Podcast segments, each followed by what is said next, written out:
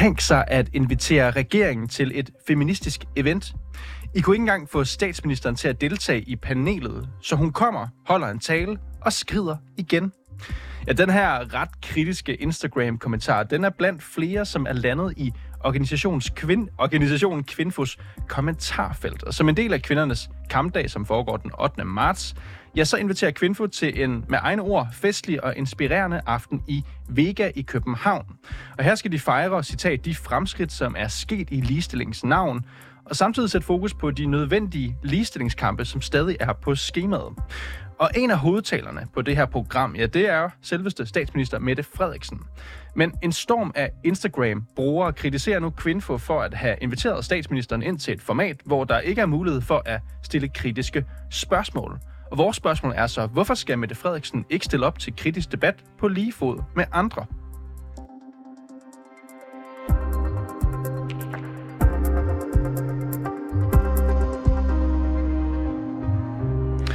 Ja, det skal jeg snakke lidt med dig om. Mig Rasmussen, du er presse- og kommunikationschef i Kvinfo. Du er med på en telefon fra Aarhus, så vidt jeg kan forstå.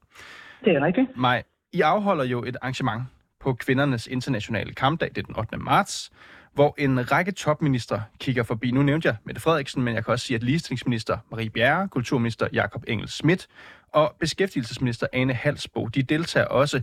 De deltager de tre i en paneldebat, og ved siden af det, så kommer statsministeren, altså Mette Frederiksen, og holder en tale. Jeg er lidt nysgerrig på 1. maj.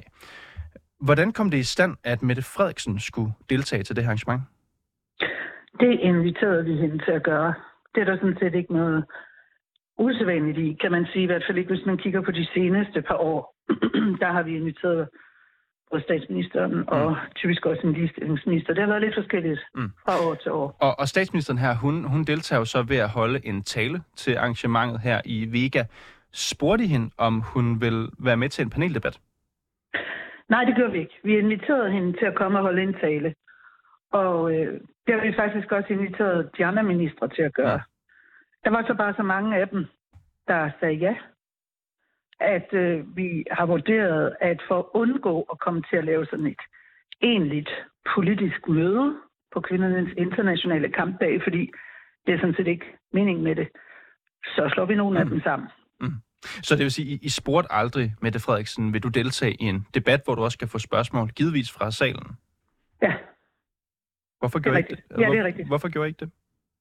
Jamen, det er faktisk det andet, der er det, der er det usædvanlige. Og det, det tror jeg egentlig også godt nogle mennesker vil kunne se, at øh, hmm, det er ret almindeligt på både festlige og alvorlige aftener at invitere folk til at komme og holde en tale.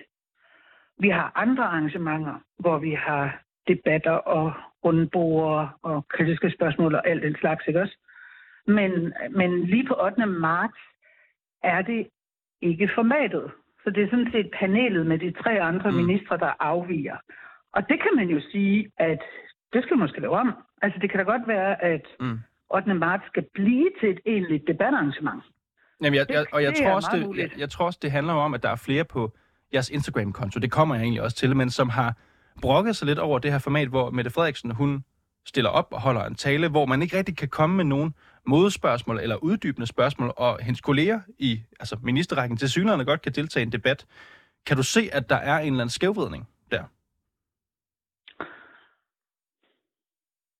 Jeg vil egentlig nærmere sige, at det er at det sjove måske en, eller sjov, der er jo ikke noget i det her, der er sjovt, fordi det er dødsens alvorlige ting. Vi bliver også nødt til at sige, at, at grunden til, at der bliver stillet så mange spørgsmålstegn ved at lade Mette Frederiksen holde tale, det er på grund af situationen i Gaza og et kæmpe ønske om, at Mette Frederiksen handler anderledes, eller statsministeren handler anderledes, end det er foregået indtil videre. Men der vil jeg egentlig sige, at det, at det usædvanlige er, at der er et debatformat. Okay, så du synes grundlæggende, du synes ikke, der er noget problem i, at I får Mette Frederiksen ind og holder en tale, og man ikke kan møde hende med kritiske spørgsmål. Og så er det ligesom på plads, tænker jeg. Jeg tænker, for at gå lidt videre, I begrunder i besøget her med, at det er Mette Frederiksens position som statsminister, og hun derfor har magt til at forandre, som I skriver ind på Instagram, som, som grund til, at hun bliver inviteret på besøg her. Altså hun kommer jo som bekendt og holder en tale, og derfor lægger formatet ikke op til, at tilskuerne eller Kvinfo skal komme med yderligere input til den her tale.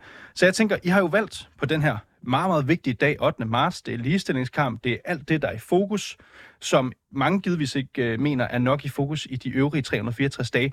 Så jeg har jo valgt, at her skal Mette Frederiksen komme og give et budskab. Hvilke politiske forandringer, som styrker kvindekampen, kommer Mette Frederiksen til at fortælle Kvinfo og tilskuerne om? Åh, oh, det ville jeg ønske, jeg kunne sige.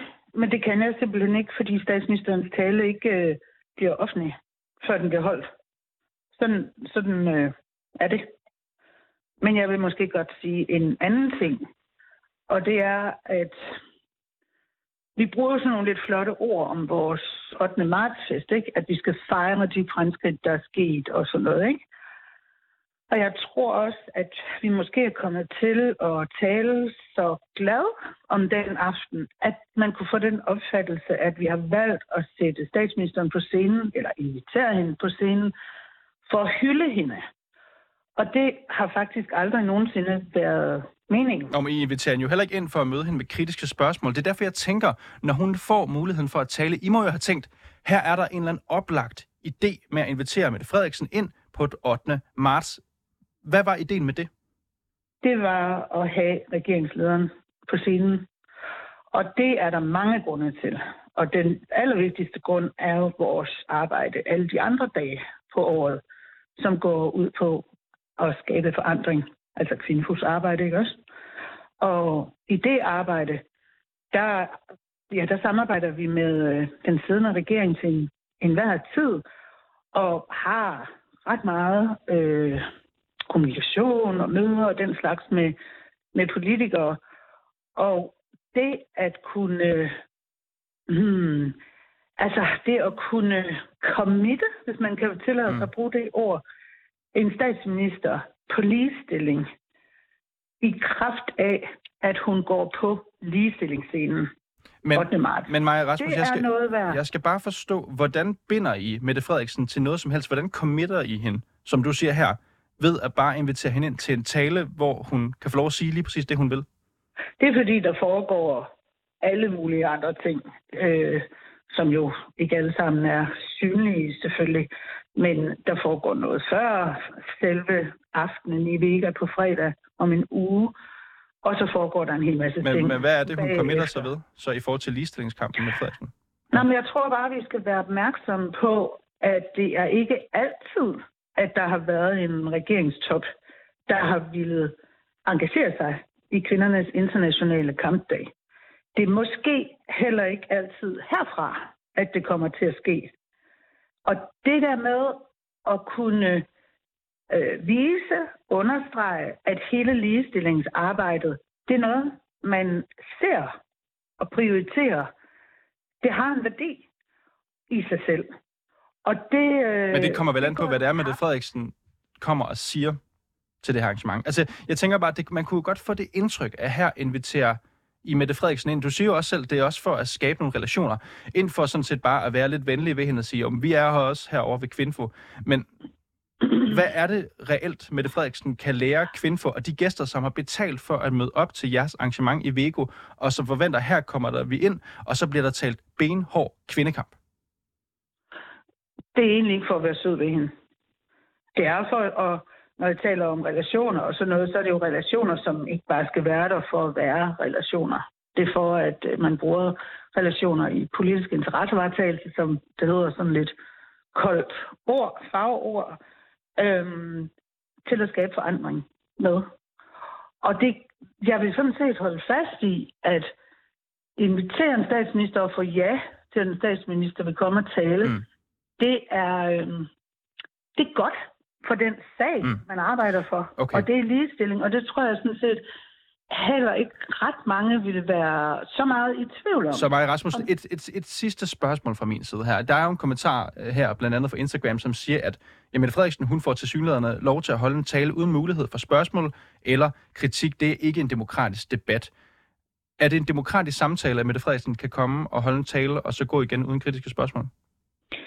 Ja, det er det, fordi det er en del af en hel masse andet, både på aftenen og i forhold til den siddende regering. Og, vil jeg så sige, det kunne jo være, der kom til at ske noget andet også. Maja Rasmussen, presse- og kommunikationschef i Kvinfo. Tak, fordi du kunne være med her over en telefon i dag. Selv tak.